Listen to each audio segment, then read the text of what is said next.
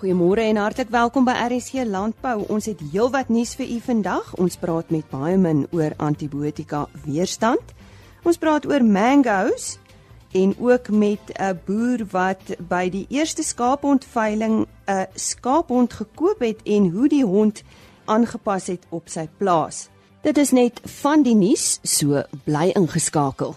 Ek het by die Agri Expo Livestock vir Logner Eksteen raak geloop en hy vertel so 'n bietjie meer oor hulle boerdery. Kyk ek ons ehm um, woon in die Pakketberg area, so net na langs die dorp. Ons het ehm um, ek is die sewende generasie op die plaas. Mm. Oh, die Ngunis is die die rot is nou hier die langste mee aan die gang is. Ons is al 26 jaar ehm um, met my pa nou al in die gang is met Ngunis. Ons is ehm um, familieboerdery, almal is betrokke. Ons het hier stel ons nou teen toon die Ankoles, ons het die Ngunis dan rondere blinker Afrikaner skaap ook baie skaars skaapraas mm. en dan die peris wat wat ook al redelik aan die uitsterf is en dan het ons ook hier 'n paar skiller persies. Mm. Dis nou eg eg sal ek maar sê Afrikaanse of Suid-Afrikaanse beeste wat jy het. Hoekom het jy juist besluit op daai ras? Ons het gevind dat ehm um, die inheemse diere doen doen goed in Suid-Afrika en 2003 of 4 was was was harde jare en ehm um, ons het 'n limousine stoet gehad.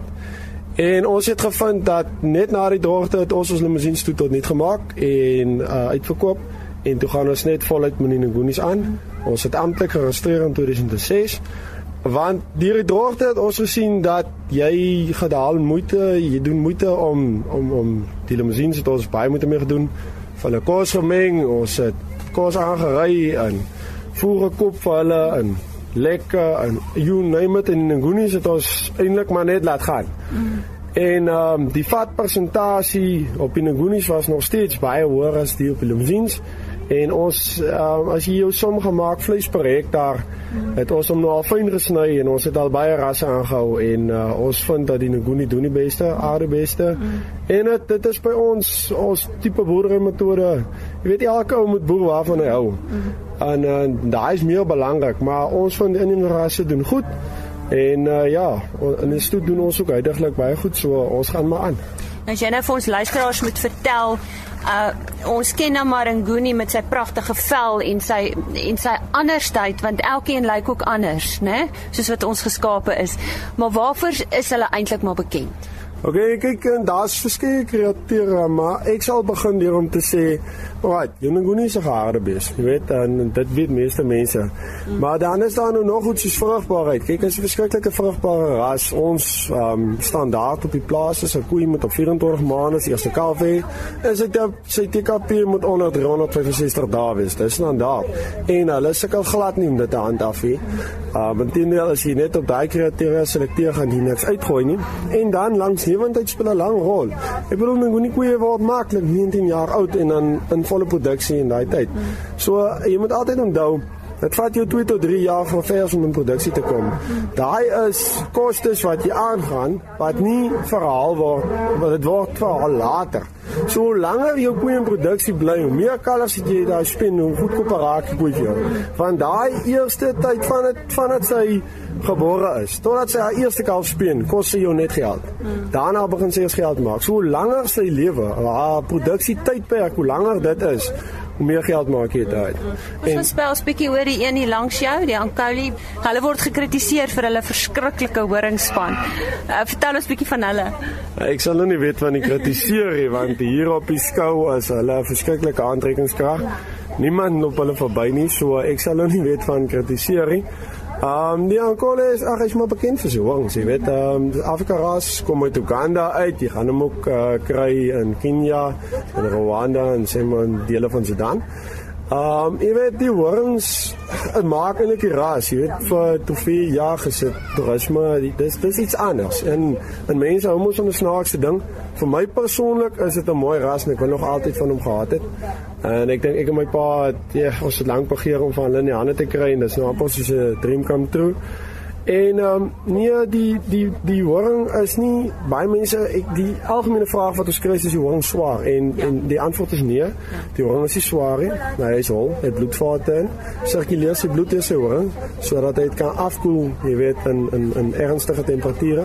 So dit dis 'n ras met 'n kort haar, hy kan wat te goed weerstaan en ehm um, hy pas goed hier by ons aan die Weskaap. Ek het nie geweet hoe hy gaan maak nie, maar hy doen goed en ons te paar kruising in die Guni en die FN Colors lyk ongelooflik mooi. Dit was dan Logner Eksteen en hulle boer in die Piketberg omgewing. Ons sluit nou aan by Chris Derksen vir ons nuutste vleispryse en dit is pryse wat behaal is by veilinge in die Noord-Vrystaat en die datum van hierdie veilinge was 6 November. Chris? Goeiemôre. As op drie belangrike goed wat ek vir julle kan sê vandag. Eerstens, die mark bly baie stabiel. Tweedens, wil ons net vir Noord-Kaap Lewende Hawe gelukwens met die absoluut reuse vetvee veiling wat hulle laasweek in Kroonstad gehou het. En dan derdens moet ek net noem dat ons baie goeie boerevriend Mof Meiburg wat so sleg in die brande geseer gekry het, na 2 maande stadig aan uit diep verdowing wakker gemaak word en op sy pad na goeie herstel. Ek gee vir julle die presiese pryse. Speenkalvers onder 200 kg het gaan vir R38.12 per kilogram. Dan van 200 tot 250 kg R34.47 en oor 250 kg R33 presies. A klasse R24.92 B-klasse R21.49 per kilo lewendig. C-klasse vetkoeie R20.18 en maarkoeie het gewissel van R17.50 na R18.67 per kilogram lewendige gewig. Slagbulle R22.43. En vanaf die skaapmark stoorlam R43.22 vetlam R33.77 maar oeye store R27.33 en vetoeye R25.11 per kilogram lewendig. En die boerbokke, lammetjies R45.44 en mooi oeye R28.01 per kilo. En indien ons van enige verdere hulp kan wees, skakel maar enige tyd na 08280 75961. Baie dankie. Die stem daarvan Chris Derksen en 'n webtuiste vir daardie vleispryse is www.vleisprys.co.za. Ons gesels weer uh, met uh, Albert van Rensburg van Baiman. Nou, ons het vroeër in die week met hom gesels oor die 8ste World Nutrition Forum wat onlangs in die Wes-Kaap gehou is en hy tydens hierdie gesprek ook verwys na antibiotika weerstand uh, wat ook natuurlik een van die uitdagings is wat ons in die gesig staar as dit kom by veevoer. En uh, waarom is dit so belangrik? Of of sê eers vir ons presies wat is antibiotika weerstand? Miskien moet ons daar begin Albert. Dis dis net maar die vermoë wat bakterieë het om te muteer of om aan te pas. Uh en dis maar 'n oorlewingsmeganisme wat gebruik word en is 'n eeuoue kenmerk van bakterieë wat ons selfs in mammies van 1000 jaar oud uh, kry ons bakterie wat reeds uh, antibiotika weerstand wys. Dit is nog voor die era van antibiotika. So dit wys maar net dat die bakterie het die vermoë om aan te pas en te oorleef en dat daar ook dan die bewys dat daar ook natuurlike antibiotika in die omgewing is wat waarby hierdie bakterie aangepas het. Nou ehm um, die aanhoudende gebruik van antibiotika uh, veral soos in veevoere uh verhoog die populasie van bakterieë wat dan hierdie weerstand het en dit is die die uh, die kern wat ons moet aanspreek oor hoe ons ehm um, alternatiewe gaan gebruik om nie antibiotiese weerstand verder te verhoog nie. Uh waarom is dit dan belangrik om dit in dierevoeding te verminder? Die probleem is dat waar antibiotika aanhoudend gebruik word, ehm um, soos in veevoere wat uh, antibiotika gebruik word as 'n groeibevorderaar, uh, beland hierdie bakterie wat weerstandbiedend is teen antibiotika. Dit beland in die omgewing, weet jy, dit kan in waterbronne beland. Ons kan dit kry deur die gebruik of die inneem van enige dierlike proteïen, vleis, melk, eiers en dit skep dan die gevaar vir die mens dat uh daardie weerstand dan oorgedra word aan die mens. En dit maak of dit dit kan opeindig in die sogenaamde superbugs wat ons al ken dat antibiotika oneffektief is vir menslike gebruik. So die uitdaging hier is om die veebedryf ehm um, skoon te maak van antibiotika en dat ons nie gesien word as 'n bron of as 'n 'n spens waar hierdie bakterie vandaan kom. Albert, maar ons praat al so lank al hieroor. Ehm um, hoe hoe gaan dit nou aangespreek word en en miskien hoe vinnig? Ja, dit daar is geleide. Ek weet daar's die eerste werk is gedoen om antibiotiese groeibevorderaars uit veevoere te verwyder. Ehm um, en dit sal seker eersdaags ehm um, aangekondig word. So die eerste oplossing is ons moet almal saamwerk om antibiotika as 'n standaard in veevoere uit te haal. Antibiotika sal altyd 'n plek hê waar diere siek is. Ehm um, maar die aanhoudende elke dag konstante gebruik van antibiotika, dis waar die gevaar inkom. Sodra ons antibiotika uit veevoere onttrek, sien ons dat die getalle van die weerstandbiedende bakterieë verminder. So deur dit net te verwyder uit die veevoerketting, sien ons dat ons die weerstand kan verminder. daarmee saam moet ons gaan kyk na die gebruik van alternatiewe natuurlike produkte. En hier verwys ek byvoorbeeld na probiotika en sekere plantekstrakte wat uit krye en speserye kom wat antimikrobiese en antivirale eienskappe het. So ons teruggaan na natuurlike produkte en die bakterie het nie die vermoë om teen hierdie produkte dieselfde weerstand te bied as wanneer antibiotika gebruik word. Nou, sê baie dankie aan Albert van Rensburg. Hy is natuurlik 'n streeksdirekteur van Biomin in Afrika en ook bestuurende direkteur van Biomin in Suid-Afrika. En hy het met ons gesels oor antibiotika en dat daar definitief uh, pogings aangewend word om dit in veevoer te verminder. En ons gesels nou oor een van ons mees geliefde vrugte in Suid-Afrika. Ons uh, gaan nou gesels oor mangoes en uh, daaroor praat ons met Johan de Pre, hy is die operasionele bestuurder van die Bavaria Fruit Estate. Vertel ons vir ons Johan, waar is hierdie estate van julle? Uh, Bavaria Fruit Estate is naby Hoedspruit in die Limpopo distrik, so teenoor die Wildtuin. On, ons gaan oor mangoes praat. Ek neem aan daardie gebied is uh, uiters geskik vir mangoes. Ja, hierdie is nou wat ons noem die uh, laafveld van Limpopo. Uh is eintlik maar so 'n lekker tropiese area en baie geskik vir mangos en dis ook die grootste mango produseerende gebied in Suid-Afrika. Die uh, vrug mango, waar kom hy eintlik vandaan? Jong, hy kom eintlik hoofsaaklik uit uh Indië, Burma area.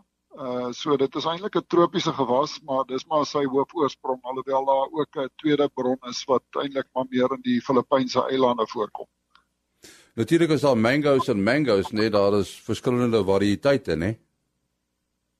Ja, dis nogal 'n interessante storie as jy uh, Indië toe gaan waar omtrent 60% van die wêreld se mangoes geproduseer word, dan het hulle so 3500 uh geregistreerde kultivars wat name het, maar dan is daar ook 'n klomp wat nie name het nie. So ja, daar's baie.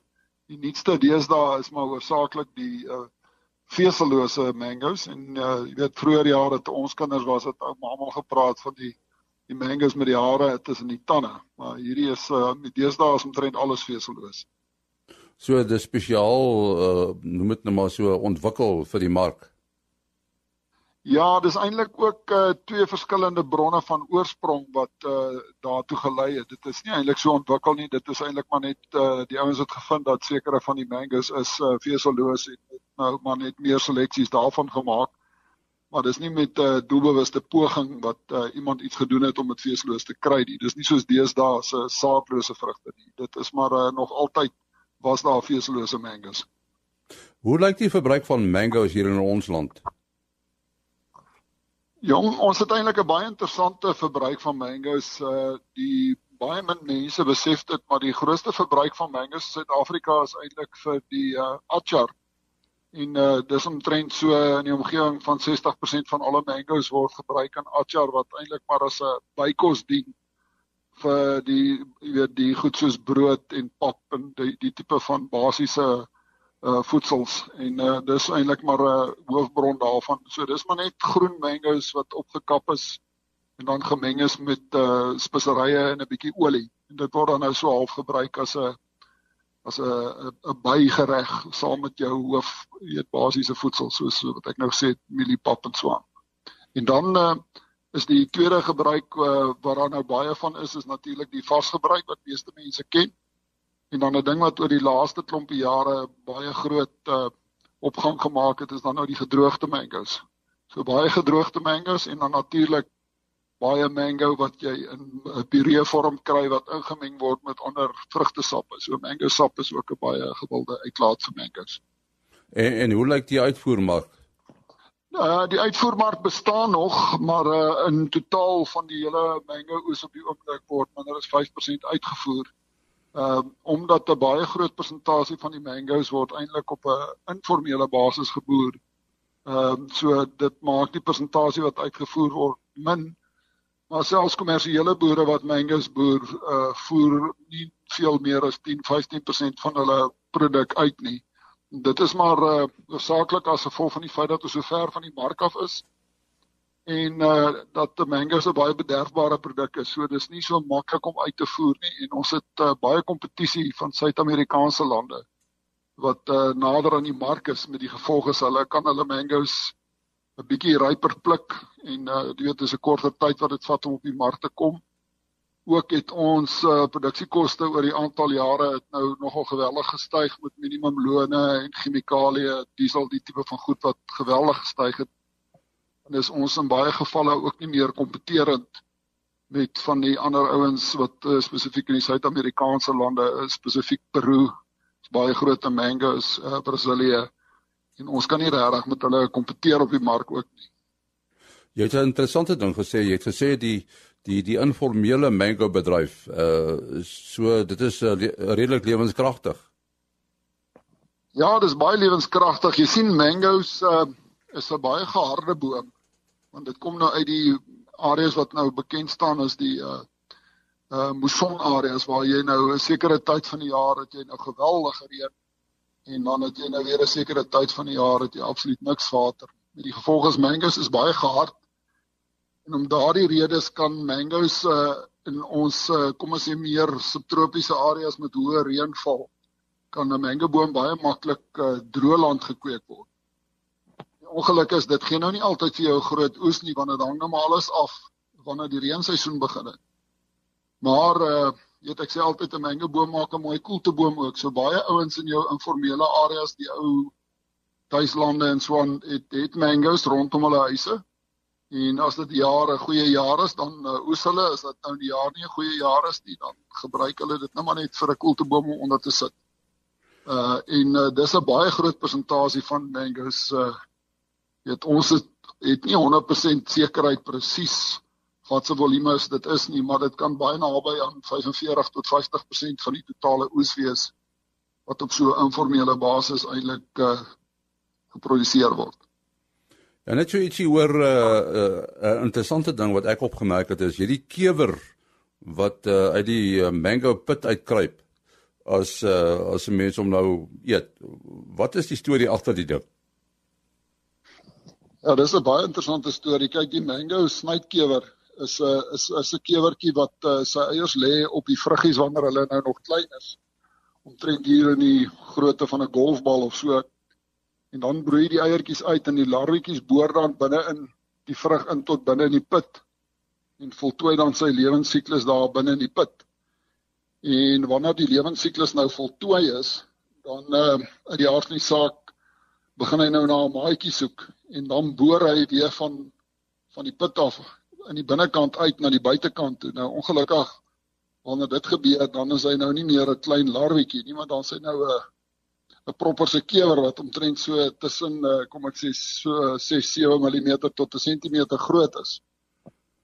Nou vroeër jare het baie mense gedink uh, 'n uh, mango, alle mango's het 'n kewer in sy pit. Nou dit is nie waar nie.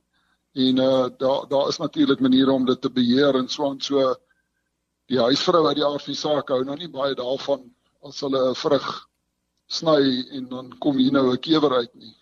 Jy weet dis amper soos met 'n wurmpie. Dit is nogal raai om 'n wurmpie te sien, maar as jy 'n halwe wurmpie sien, dan is dit nogal erg. uh so ja, dis nou wat met die kewer gebeur en dan veral in die areas waar daar nie uh, vreeslik uh, kommersieel geboer word nie, kan 'n mens nogal uh, baie hoë infestasie kry in van die vrugte. Ja, ons sê baie dankie aan Johan de Pre, die bedryfsbestuurder van die Bavaria Fruit Estate. Dankie Henny. Verlede jaar by die Agri Expo Livestock het die eerste skaaphond veiling in Suid-Afrika plaasgevind. Tydens hierdie veiling het Eysie Willemse een van hierdie honde gekoop en ek het met hom gesels oor uh, oor sy boerdery en hoe die hond aangepas het. Is jy's nou eintlik 'n merino boer, is ek reg? Ek is 'n merino boer. Nou vertel my van jou boerdery. Ja, nee, as boer op tussen uh, Heidelberg en Swellendam. Ja. Uh merino's derde generasie op die plaas en uh ja, die wol is goed, die skaap, die regte tipe skaap doen baie goed. Uh, ja. Hou ons op die plaas. Ja.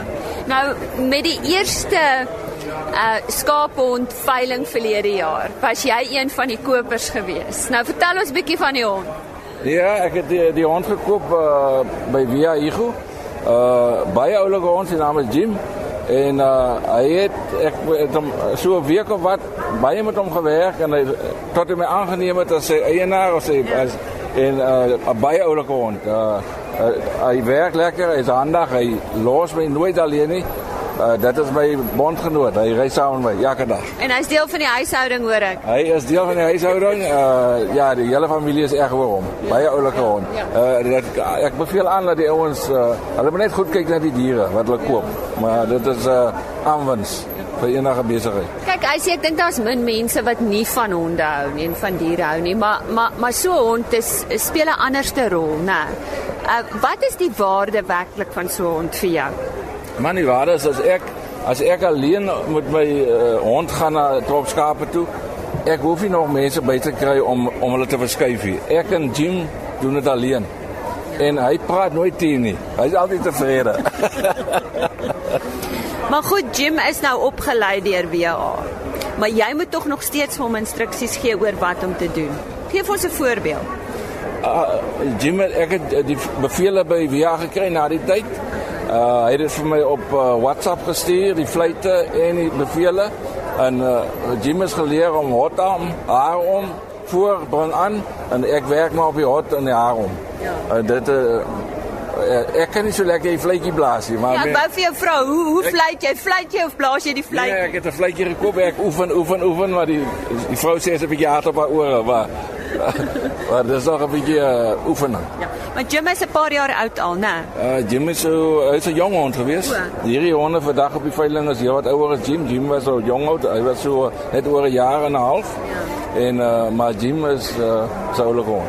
En jy gaan 'n lekker paadjie met Jim stap. Ja, nee, Jim is daar so. Jim niks oor kom nie. Ja. Uh, ons weer ja. maar veilig dat hy lekker slaap saans en kyk maar nou.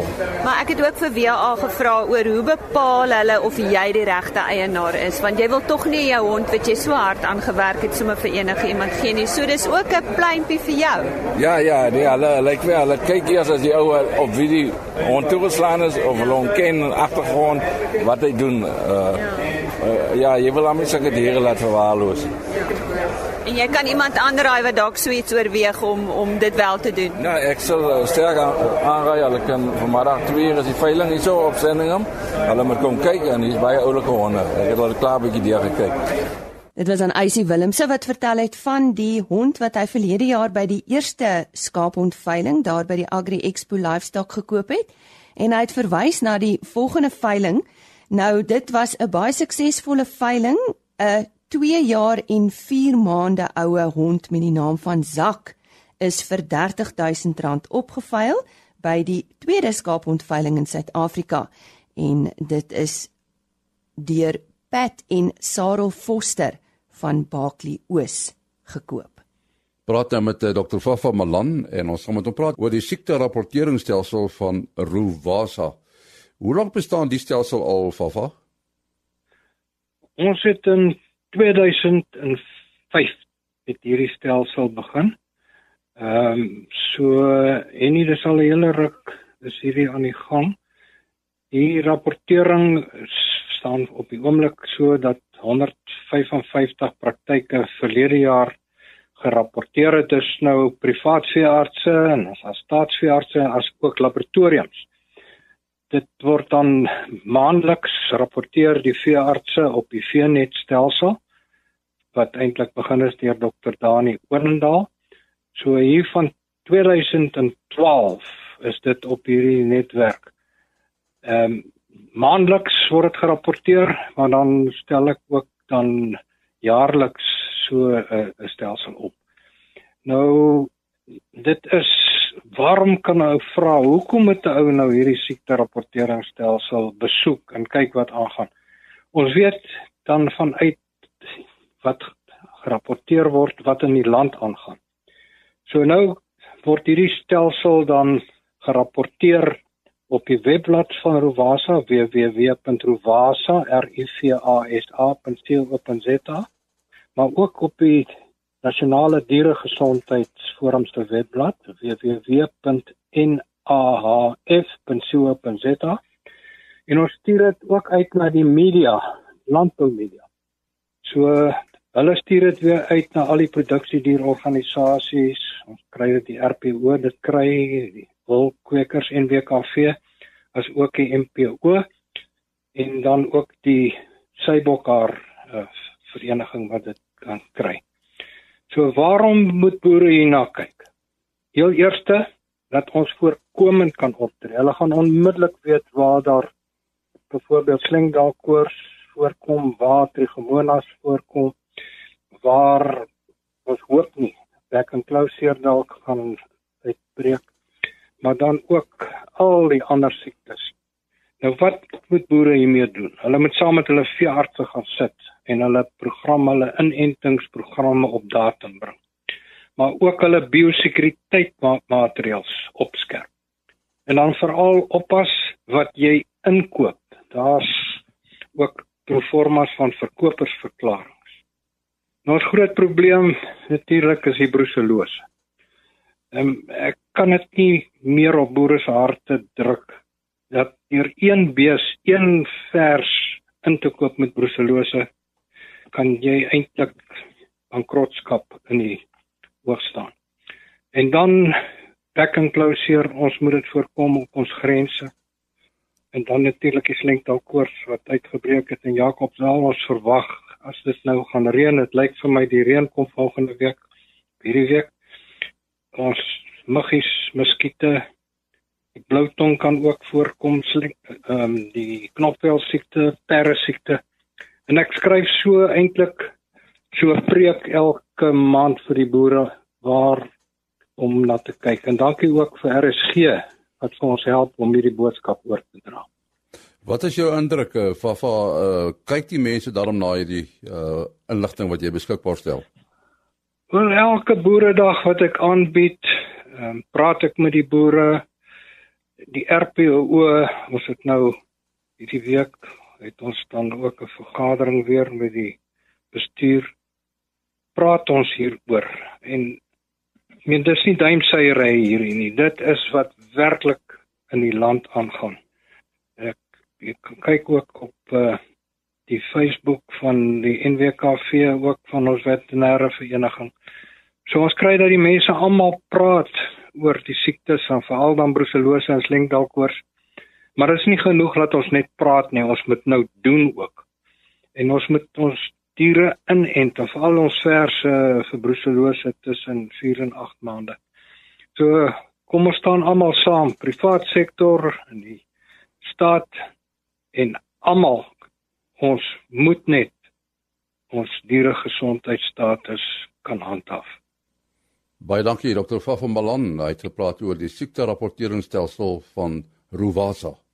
En dit is aan die stem van Henny Maas. Baie dankie Henny en uh, dit het ons ook gebring aan die einde van vandag se program en ook ons kuier saam met u vir hierdie week. Onthou ons is weer maandagooggend terug om 05:30 met nog RSG landbou nuus.